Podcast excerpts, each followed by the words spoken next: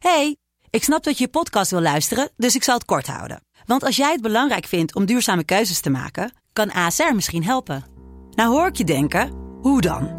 Nou, bijvoorbeeld bij het duurzaam herstellen van schade. Of de premies die we beleggen volgens ons duurzaam beleggingsbeleid. Dat bepaalt waar we wel en juist niet in investeren.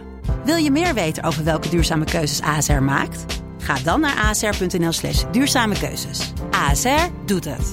Zo, dan kan je nu lekker naar je podcast luisteren. Hey, ik snap dat je je podcast wil luisteren, dus ik zal het kort houden. Want als jij het belangrijk vindt om duurzame keuzes te maken, kan ASR misschien helpen. Nou hoor ik je denken, hoe dan? Nou, bijvoorbeeld bij het duurzaam herstellen van schade. Of de premies die we beleggen volgens ons duurzaam beleggingsbeleid. Dat bepaalt waar we wel en juist niet in investeren. Wil je meer weten over welke duurzame keuzes ASR maakt? Ga dan naar asr.nl slash duurzame keuzes. ASR doet het. Zo, dan kan je nu lekker naar je podcast luisteren.